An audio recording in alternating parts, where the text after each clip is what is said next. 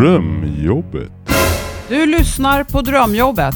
Podden där vi pratar om livet, jobbet och fritiden.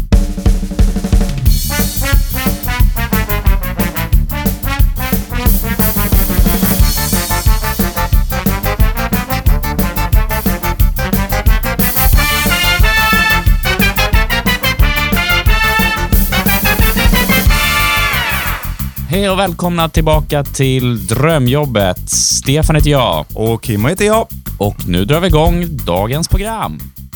Idag ska vi träffa Emily och William som gillar att tjäna kosing och att vara fri. Det är två unga människor som eh, jobbar på ICA. Eh, vi kommer att prata om OB-ersättning, schemaläggning och besvikelse i livet. Nu drar vi vidare och lyssnar på hur det går för dem på jobbet. Eller hur Stefan? Det gör vi.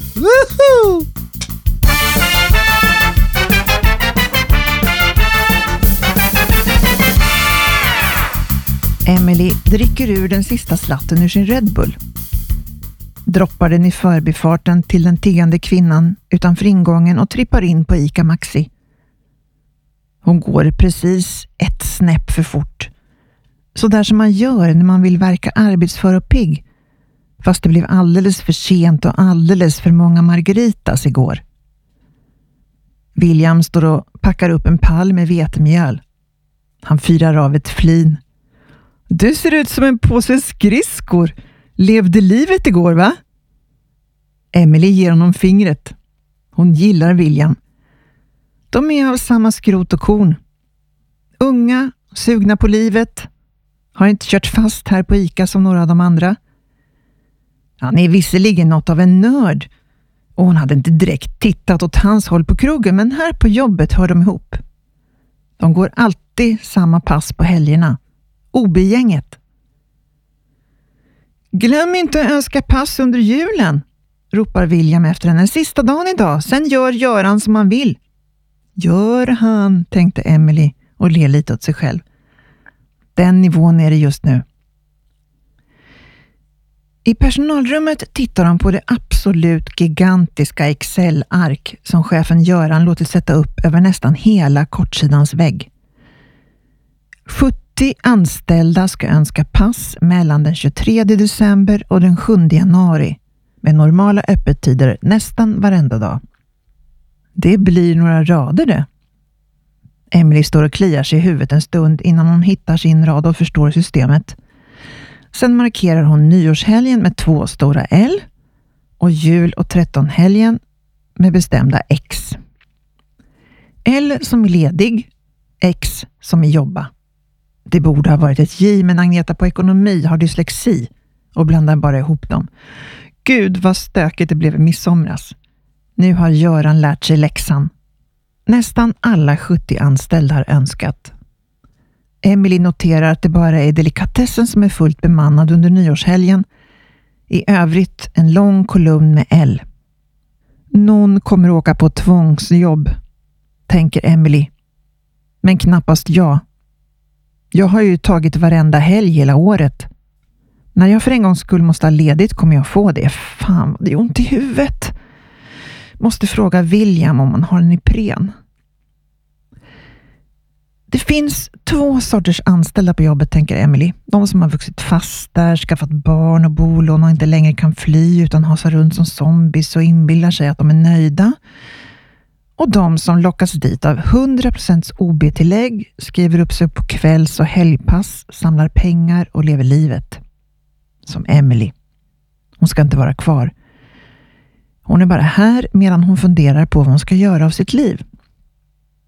Men medan hon är här kan hon lika gärna passa på att tjäna bra med pengar och det gör hon på kvällar och helger. Allra mest storhelger. Emily är pålitlig. Hon ställer alltid upp.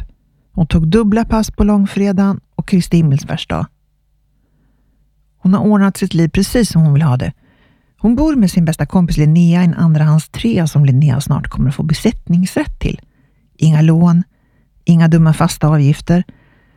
Nästan allt hon får in kan hon leva för. Emily och Linnea åker till London, till Smögen, till Åre. De sitter i takbarer, shoppar på Biblioteksgatan och flörtar med aktiemäklare Inte så illa av en ICA-kassörska och en servitris. Emily brukar bjuda. De jobbar ungefär lika mycket och Linnea jobbar på ännu dummare tider än Emily. Men Emily tjänar nästan dubbelt så mycket på det. Och så slipper hon vattenfast makeup, kockar som skriker och fulla män som tafsar och bär sig åt. I kassan kan kunderna småskrockande be om en trisslott med vinst, tjafsa om rabatt fast de har tagit fel produkt eller för 53 gången fråga var majonnäsen står. Den är mellan potatisen och löken och nej, det är inte så logiskt. Men det är ingen match för Emily. Gud, hon hade inte velat ha Linneas jobb. Det minsta hon kan göra är att bjuda. Till nyår ska Linnea bjuda tillbaka. Hon har fixat in dem på världens nyårsfest. Någon filmhistoria med kändisar och producenter och hela baletten. I Göteborg, högst upp i skybaren på Gotia Towers. Linnea kände någon kille som var kompis med Joel Kinnaman och rätt vad det var så stod hon på gästlistan. Hon har redan börjat längta. Ja, nu har jag fått eh, höra om Emily här och eh, hon har ju planerat att åka till Göteborg och parta under julen. Jajamän, eller framförallt nyår. Ja, och jag tänker att det är inte alltid så lätt när man har ett jobb. Och här har hon ju lagt fram förslag om hur hon vill vara ledig under julen och nyår. Liksom. Och alla andra av hennes 70 plus kollegor.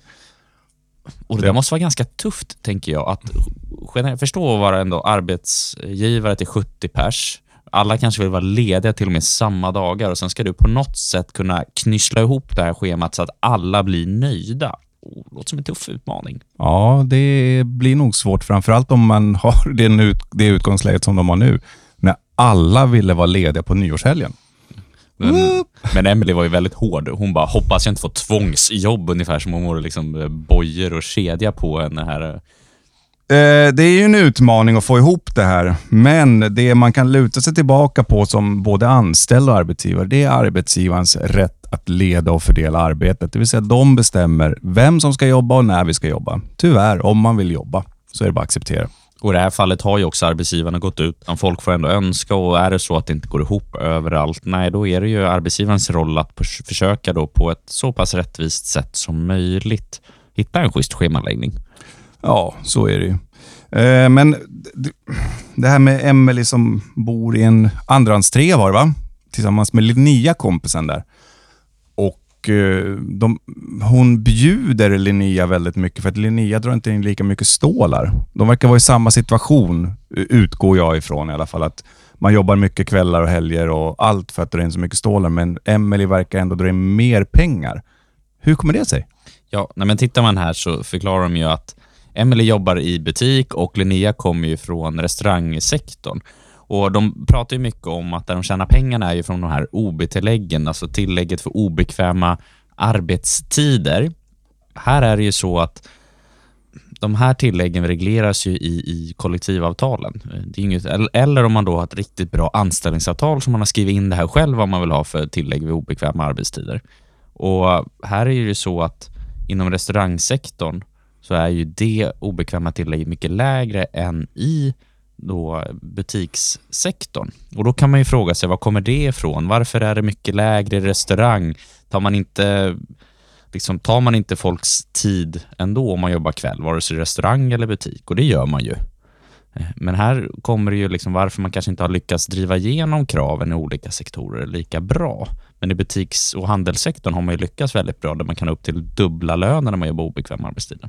Ja, eh, du var inne på det här med eh, anställningsavtal och eh, så jämför det med kollektivavtal. Att man kan skriva in och ändra sin OB-ersättning i ett anställningsavtal. Kan man verkligen göra det? Ja, det beror ju på om det finns kollektivavtal eller inte. Så steg ett, om man, ens, om man behöver gå in och reglera. Men de flesta avtalen kan man alltid förbättra. Så kollektivavtal är ju en miniminivå. Att det här är det lägsta och det minsta man är berättigad till. Eh, och man kan tjäna mer.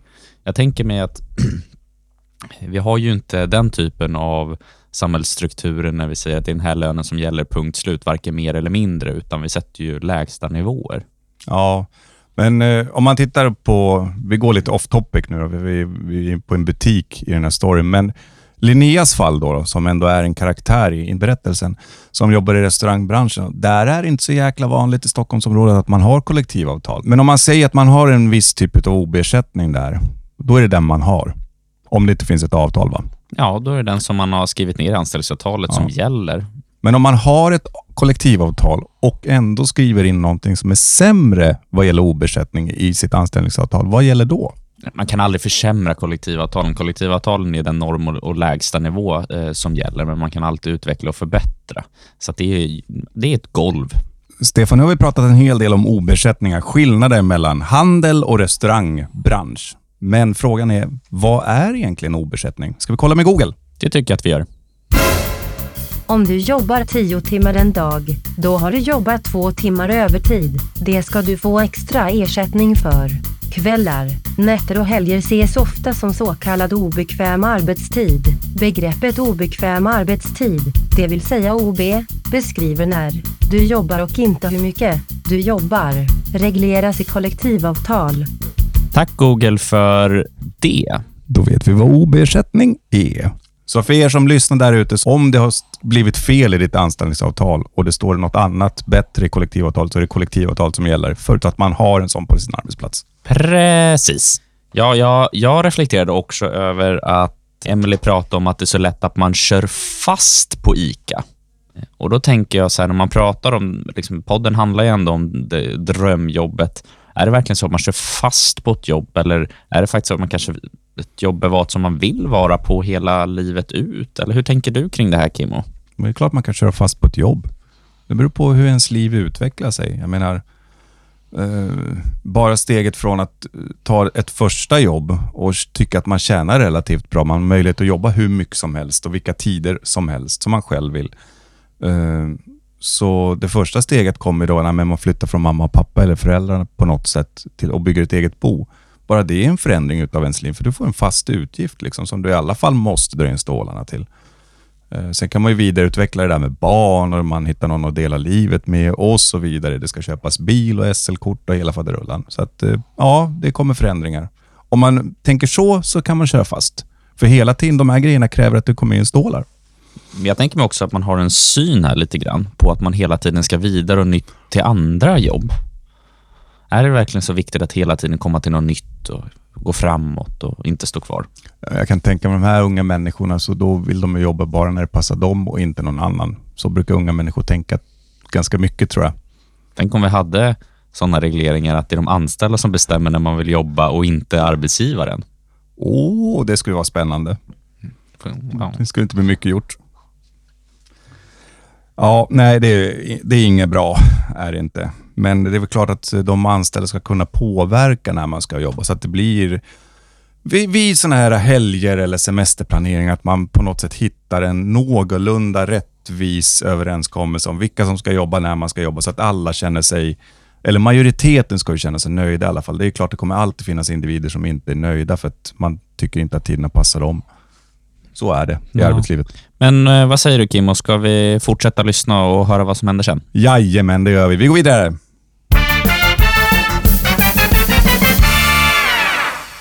Det går åt helvete med en gång. Hur fan kan de sätta upp henne på nyår? Hon som tagit vartenda obekvämt helgpass sedan februari och nu, när hon för en gångs skull vill ha ledigt så får hon fingret. Det är så jävla taskigt. Hon pratar med Göran. Tyvärr, Emily, det var stört omöjligt att hitta en lösning för nyår som skulle göra alla nöjda. Jag var tvungen att sätta upp antingen dig eller Linus, han har ju barn så han fick gå före. Men du är ju ledig 13-helgen, säger han med vädjande röst ungefär som hon lika gärna kunde gå på filmstjärnefest på trettonhelgen. Emily saknar ord. Åtminstone sådana ord man kan säga högt i personalrummet. Andra ord har hon gott om. Ord om småbarnsföräldrar som är hemma mer än på jobbet och lägger konsekvenserna på sina kollegor som förväntar sig att hela världen ska stiga åt sidan för deras korkade, bråkiga, ständigt sjuka jävla underverk. Och chefer som går dem till mötes. Varför ska deras livsval gå ut över henne? Varför är Linus val att yngla av sig värt mer än hennes val att leva livet? Är inte jorden redan tillräckligt överbefolkad? Varför har du och jag inga rättigheter på jobbet? Klagar hon till William. Vi behöver dem inte, säger William. Vi är unga och starka. Vi jobbar, tjänar pengar och när det inte passar går vi vidare till ett jobb som passar bättre. Hålla på och sura om rättigheter för de som fastnat. Kolla på Linus eller Åsa. Vart ska de ta vägen den dagen de tröttnar på att slå in PLU-koder? Inte direkt så att de kan söka in på universitetet. Mm, ta du mitt pass då snälla. Hon lägger huvudet på sne och presenterar sina bästa hundvalpsögon. De där som William inte kan motstå.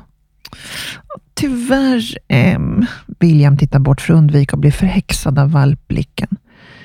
Jag hade tagit en kula för dig alla dagar, men just till nyår måste jag upp till Happis.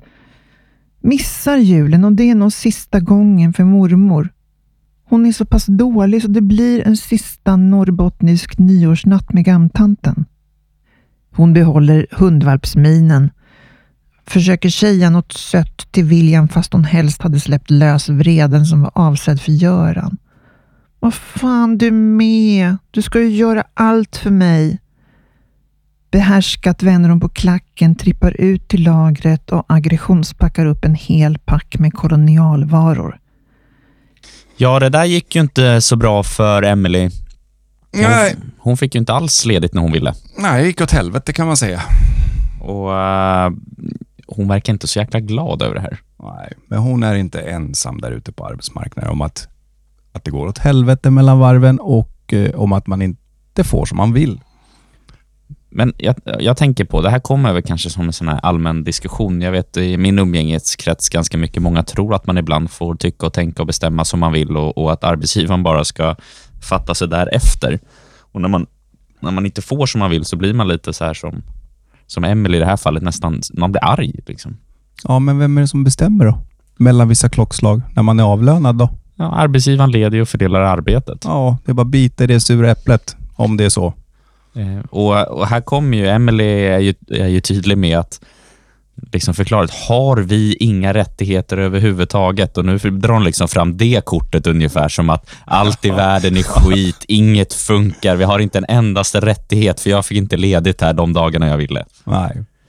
Och William bekräftar det. Det är ju fantastiskt. De har inga rättigheter. Och William bekräftar att nej, vi behöver inga rättigheter för Nej. vi är ju unga. Nej. Eh, Och då har de ju missat hela poängen när de tidigare st- står och, och pratar om hur, hur bra de har med obesättning och de tjänar pengar och de får jobba. Och sen plötsligt, vi har inte ett skit. Någonstans har ju någon missat att förklara för de här två att det finns faktiskt regleringar när man jobbar och liksom, där är rättigheterna. Och skyldigheterna. Ja, och att de ska jobba, att arbetsgivaren får leda och fördela. För jag menar, det är ju liksom en grund, grund Man borde ju nästan ha så informationsmöten när du får ditt jobb. Hej, det här ska du ha koll på. Eller i alla fall gå igenom det i skolan ordentligt, för det här är väl jätteväsentligt när man börjar jobba. Ja, så, så är det ju. Det är ju liksom, det, det är så jävla schysst. Det är inte första gången man hör det här att åh, jobbas kvällar och nätter och helger, att man får extra stålar. Men eh, om man nu har bara sådana tider och vill jobba sådana tider, ja, då får man kanske räkna med att det är sådana tider man blir uppbokad på också. Faktiskt. Och det är både rättigheter och skyldigheter som styrs genom kollektivavtal. Eh, att vi överhuvudtaget får extra pengar är inte alltid att ta för givet faktiskt. Om man inte har avtal så är det inte alls sagt att det är så. Nej, och många tror ju, att, tror ju nästan att, de här, att kollektivavtalen är någon form av lag som då politikerna stiftar och liksom är så extremt långt ifrån verkligheten och nästan missat att många arbetsplatser har sina lokala avtal och uppgörelser i de branscher som fungerar. Ja, så är det. Men det är inte så att det är politikerna som bestämmer det. Tack och lov i det här landet i alla fall. Ja, och det ska vi nog vara ganska glada över att de inte gör. Eh, för det blir ju liksom en lag, vi, omfattar ju liksom ett helt samhälle medan de här kollektivavtalen är ju ändå branschanpassade. Det hade varit väldigt jobbigt om, om eh, politikerna då branschanpassade löner i lag. Det hade varit väldigt komplicerat. Då blir det lite som i Frankrike. Höjer man oljepriset så står hela åkerinäringen. Det är inget bra alls. Då blir ingenting gjort. Nej, och, eh, men, men jag tycker fortfarande att det här är en viktig fråga. När du gick i skolan, Kimmo, eh, fick ni lära er om de här delarna om rättigheter och skyldigheter och arbetsmarknaden? Eh, nej, fick vi inte göra. Det är lite synd. Och jag gick ändå en yrkesförberedande skola. Så att eh, det fick man lära sig efteråt. Och då har man ju blivit dragen eh, vid näsan ett par gånger faktiskt. Och det är lite Vi hade ju, hade ju företagsekonomi i skolan. Eh, det var en viktig kurs. Men vi hade faktiskt turen att vi fick, fick en timme när vi fick besök från eh, fackförening när jag gick i gymnasiet. Inte för att jag kommer ihåg vad han pratade om, men i efterhand så inser jag att det där hade ju behövts mer och varit så pass att jag faktiskt kommer ihåg vad han pratade om. Jag var väldigt obrydd över den timmen han stod och pratade. Och Det enda jag kommer ihåg från det, jag gick ju hotell och restaurangprogrammet då, då och det enda jag kommer ihåg, det var faktiskt eh, en facklig representant från hotell och restaurangfacket som var där, som skrev in gratis medlemmar, för det var gratis att vara med i facket. Eh, och det bästa med det medlemskapet var att du fick en stor tidning en gång i månaden hemskickad. Det var ju fantastiskt. Men prata ingenting om arbetstider och OB-ersättning, att man ska ha det. Ingenting. Brukade du läsa den tidningen? Eh, Ja, faktiskt. Ja, det är ju bra jobbat. Men eh, på hemmafronten då? Om vi säger att skolan kanske inte pratar om de här uh, förhållandena över att vara, vara anställd och vara arbetsgivare. Men på hemmafronten då? Päronen, brukade de prata med det? Nej, eh, nej, det, nej inte, inte specifikt OB-ersättning. Eh, det, det var det inte. Inte så. Du, du skulle ha lön för att du jobbade. Det var, det var så här, ja men det ska du kräva i alla fall, men inte OB-ersättning. Det var inte så. Ingenting om avtal eller... Nej. Det var så här en bitch slap så här, i huvudet. Bara, du skaffar ett jobb och sen går med i facket. Varför det? För att du gör det bara. Då har man i alla fall sagt något. eh, nej, men jag, jag tänker mig att det här är ju något som kanske är väldigt viktigt som förälder. Jag vet att min eh, farsa, han sa att ja, men var med i facket, då har du en försäkring, en hemförsäkring. Eh, och det, det är bra, sa han. Ja. Så gå inte ur, för det är bra. och ha en hemförsäkring. Ja, Ja, eh, och vad kostar en fackföreningsavgift då? ja, det är ju lite olika där, men det, är- det är ju några hundralappar i månaden. Ja, och vad kostar en hemförsäkring då? Ja, det, det är ju en- hälften av det. Ja, är alltså, pedagogiken från våra föräldrar är inte så framgångsrik. Men jag tänkte, men borde jag satt, alltså, tänkte ändå, borde jag satt sig med mig och prata bara, men fan, eh, Stefan, liksom, tänk på när du jobbar, du ska ha schyssta kläder, du ska ha en bra arbetsmiljö, du ska få minimiersättning och en bra utbildning etc. etc, etc. och förberett mig för det här. Alltså, jag vet inte tusan om jag håller med om det är föräldrarnas ansvar. Eh, föräldrarna ska lära dig mer om moralen, ansvarstagandet, passa tiderna, kom ombytt och klar om det krävs. Gör det som du har lovat någon annan att göra. Stå upp för dig, var en stark person som är självständig. Va? Eh, så kommer det gå bra. För det är oftast det som är grundförutsättningen. Utan de här bitarna hör ju till den branschen som du faktiskt går i en skola för. Det borde komma från den skolan. För att så som det är idag och så som det har varit för dig och mig, så är det som att man får inte höra någonting om anställningsavtal. Ingenting som säger att nej men klart du ska ha extra betalt om du jobbar en helg. Klart du ska ha extra betalt om du jobbar övertid. Det finns ingenting sånt. Men det borde komma därifrån för att de utbildar ju människor som ska in i en viss bransch för att arbeta. Det är jätteviktigt. Det är väl knappast så att majoriteten av eleverna blir arbetsgivare och startar eget företag, eller? Nej, inte i dagsläget i alla fall. Nej. Men man utbildar en jävla massa om entreprenörskap och du ska lyckas och sälja dig själv och bla bla bla. Mm. Nej, jag, tycker, jag tycker att det är både... Jag tycker att det är något i skolan man bör ha mera eh, av och jag tycker faktiskt att man bör prata hemma med sina barn och inte bara för barnens skull, för jag tänker mig även för föräldrar. För det, jag träffar mycket människor som inte har koll på det här överhuvudtaget, för man sätter sig inte och analyserar och diskuterar. Och jag tänker mig om man då ska sätta sig med sina barn som ska ut i arbetslivet och börja prata om de här grejerna, då måste man också börja tänka på dem. Hur funkar det här egentligen? För att också kunna se till att, eh, ja, men att ens barn har det bra och tryggt framöver. Ja, jag håller med dig. Ja, ska vi lyssna vidare eller? Det tycker jag att vi gör. Okej, okej.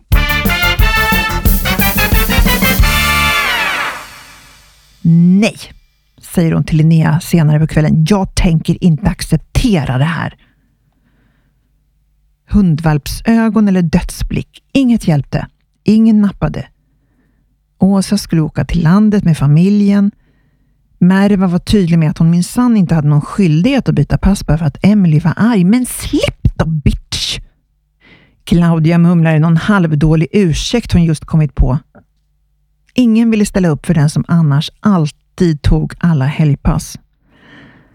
Så det fanns bara en sak att göra, tänker Emily när hon sitter på X2000 mot Göteborg på nyårsaftons morgon. Alltså jag har spytt hela natten, säger hon i telefon. Hon trycker handen mot struphuvudet för att få rösten att låta lite avlägsen och ynklig. Alltså, jag kan inte jobba. Eller, Alltså, jag kan, men jag tror inte att någon av er vill det. Nina i andra änden muttrar något. Hon tror inte på Emily. Det känns i hela örat, men vad ska hon göra? Jag får ringa in Linus, säger Nina så neutralt hon kan. Krya på dig. En halv sekund senare gastar tågvärden i högtalarna att vi snart närmar oss Katrineholm. Emelies ansikte ändrar färg inom ett ögonblick. Oh my god, att hon la på luren i tid. Passageraren på andra sidan gången ger henne en menande blick. Det är fult att skvallra, säger Linnea och fnissar. Och det är rätt åt Linus, tillägger hon till Emily som sitter och rånar ner i sitt knä. Emily tänker ett ögonblick på hur det kommer att bli när de kommer tillbaka till jobbet efter helgen. Linus kommer att vara sur över att hon får spola sina och ungarnas planer. Och alla har hört att hon försökte byta bort sitt pass. Ingen lär tro på att hon var kräksjuk. Äh, de kan inte bevisa något, tänker Emily. Och jag har faktiskt rätt till den här ledigheten. Ingen har tagit så många helger som jag. Hon slår bort tanken och tittar ut på perrongen i Katrineholm. Det är en gnistrande kall vinterdag och prognosen för Göteborg säger klart och 10 minus. Hon kommer att se hela stadens himmel explodera in det nya året tillsammans med Joel Kinnaman. Hon får ta itu med Linus den dagen hon kommer tillbaka. Alright, välkomna tillbaka. Fortsätter vi att surra om Emily som har gjort någonting som man inte ska göra, nämligen ringa till chefen och säga att man åkt på låtsasmagsjuka på ett tåg till Göteborg. Oh, det där vred sig i magen på mig när jag, när jag hörde, inte för magsjukan, utan jag bara tänker direkt, bara, hoppas hon inte, hoppas inte Emily, det första hon gör när hon kommer fram, taggar sig på Facebook att nu har jag kommit här till Göteborg med Joel Kinnaman. Jag bara, nej, nej, nej, nej, nej, tänkte jag. Hashtag Joel for president. Ja, något. Och, och, och jag, bara, jag bara ser direkt att hon kommer tillbaka och det blir ett allvarligt samtal med chefen och ja, det skulle faktiskt kunna leda till att hon blir av med jobbet. Ja, det är definitivt skäl för uppsägning. Det är det, absolut. Um, så att gör inte det där ni som lyssnar, utan var sjuka om ni bara är sjuka. Utan har man lovat att ställa upp så bör man hålla löftet. För det har mamma och pappa lärt oss, det pratade vi om alldeles nyss. All right, men varför gör hon så här då? Är det för att hon är ung? Alltså på något sätt så, det, jag- det jag liksom man hör i hela den här sto- storyn, eh, så är det väldigt, väldigt så här mycket så, här, som är, är väl lite, och det är väl kanske så man växer upp idag, man ser sig själv, sina egna behov lite före någon annan. Vi har ju, men jag tänkte behovet här med den här småbarnsföräldern som vill faktiskt tillbringa lite tid med sin familj och tänker sig att ja, det här året är det min tur att få vara med familjen och så kommer kommer då Emily bara, nej, nej, nej, nej, det är viktigare att jag får åka och festa än att du ska få liksom kvalitetstid med din familj.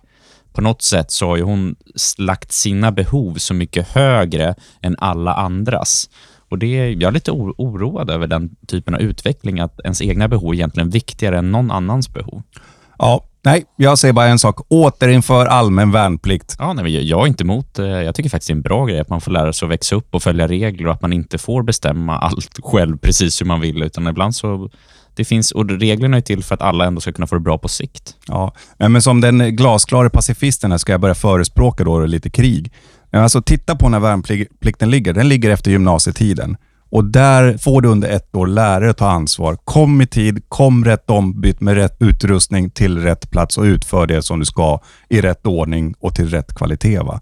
Eh, och idag, i och med att vi inte har den där skolan, den extra skolan och skolan inte tydligt tar det ansvaret och föräldrarna verkar inte nå fram heller.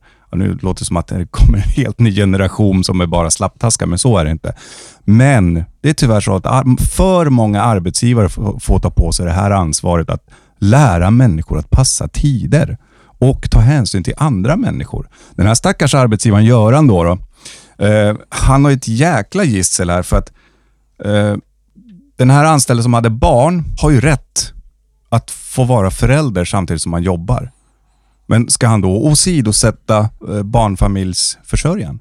Alltså det där är inte så jävla lätt att reda ut och liksom lotsa fram i. Det är jättesvårt och förhoppningsvis så gör de väl kanske man byter plats på vilka som får vara lediga och vilka som jobbar så man ändå hittar någon form av system kring, eh, kring det där. Men det, det är ändå svårt att, att hitta. Men jag, jag, jag såg faktiskt, när vi pratade om det här med regler och värnplikt och, Eh, och lära sig hålla tider, så såg jag en dokumentär inte för allt för länge sedan om just de här grejerna, att skolsystemet idag är så mycket mer format till att utbilda ifrån kritiskt tänkande, ifrågasättandet. Och Det gör att det också blir så att när man växer upp så frågasätter man allt och det blir liksom svårare att vara tydlig och hård och sätta regler. För då blir det så här, men varför då? Varför då hela tiden? Och så ska man kunna stå upp för de här tydliga, tydliga reglerna därför att. Och Det gör att det blir svårt både för, för, för lärare i viss form och kan även vara svårt i föräldraskapet när man blir ifrågasatt om, om alla saker. Ja, och uppenbart här så ifrågasätter hon sin arbetsgivare. Varför får inte jag vara ledig med en han då? Bara för att han har barn. Eh, och eh, Det där är inte dumt, men då behöver man ju skola arbetsgivaren om att nej, men du måste berätta för de anställda att jag måste göra det här, men jag måste samtidigt göra det här. Hur ska vi göra? Det bästa är väl om han, tillsammans, han eller hon tillsammans med, med de anställda kommer överens om att varannan jul, varannan nyår så är det här gänget ledigt och sen så växlar man, så har man hälften hälften. Liksom. Det är väl det mest rättvisa som går att hitta, eller?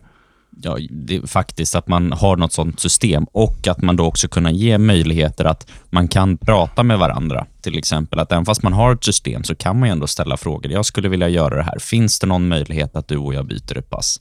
Och Då lägger man ju ändå att ja, men för mig spelar det ingen roll om jag råkar jobba istället för att vara ledig det här året. Då har man ändå skapat möjligheter och förutsättningar också. Men jag håller med. Jag tror att sådana här typer av schemaläggningar bör vara in, i en inkluderande fas. Men det kan vara jobbigt med 70 anställda. Hur inkluderar vi där? Men då får man väl sätta tydliga regler. Så här gör vi det här året men, och nästa år så får du jobba.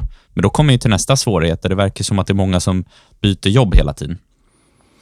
Ja, eh, det verkar det vara. Och De har en sån, ett sånt synsätt också att, äh, vadå, passar det inte här så kan man dra till nästa jobb. Och Det kanske är lätt att få sådana här typer av jobb. Jag menar, det är, inom handel och restaurang så är det ju stor omsättning på personalen. Och då, då kanske det är möjligt. För jag menar, det är inte så ovanligt ändå att unga människor väljer den här typen av eh, start i arbetslivet. Att man jobbar kanske ett halvår och sen så drar man utomlands ett halvår. Man ligger i som tusan det halvåret och drar in kosingen, jobbar de här obekväma arbetstiderna som ger extra pengar och sen är man ledig. Så att, eh, men, men ja, uppenbarligen så, så ser det ut så. Jag vet inte, har du någon annan bild? Nej, och jag, jag funderar mer över varför är liksom, har man kanske den typen av bild för de här arbetena att men det här är bara ett mellanjobb som jag gör ett litet tag. Varför kan inte det vara ett framtidsjobb och jobba i butik eller jobba på ICA som i det här fallet? Ja, fast för han som har barn så är det ju det. Där är det ju ett framtidsjobb. Han har ju faktiskt valt att stanna kvar. De ser ju ner på honom i och för sig. Att, ja, men han ska vara kvar. Vad var de sa? PLU-koder va? Ja. ja. Men det är ju så. Alltså, man kommer in på ett jobb, skaffar ett eget boende, man binder upp och det kommer ungar. Man binder upp sina inkomster mot, mot utgifter och då blir du ju fast i någon sorts falsk trygghet. Så att eh, det är klart det går att bryta sig loss där, men det behöver, kan vi ta i något annat program, hur man gör det. Emily, alltså hon agerar väl lite bortskämt, eller? Jo, nej men det tycker jag. Eh, men det kommer tillbaka till det som jag var inne på lite innan. Så det är jag, jag, jag, jag, jag. Liksom, det är prio ett i det här fallet. Och jag vet inte, det är svårt att bygga ett arbetslag eller liksom en, en stark, stabil grupp när man bara ser sin, sina egna behov. Men du, men du, Kim, om vi skulle runda upp det här programmet lite grann. Eh, vad har vi att ta med oss från, eh, från dagens avsnitt? Vi ska ta med oss att du har rätten att få extra pengar om du jobbar sena tider eller om du jobbar helger och så vidare. Under förutsättning att det finns ett kollektivavtal. Ja, just det. Så var det. Och att man inte kan fejksjuka sig, utan det kan få allvarliga konsekvenser om man sjukanmäler sig och inte är sjuk. Det är inte bra att göra det. Har du något mer? Jag har inget mer.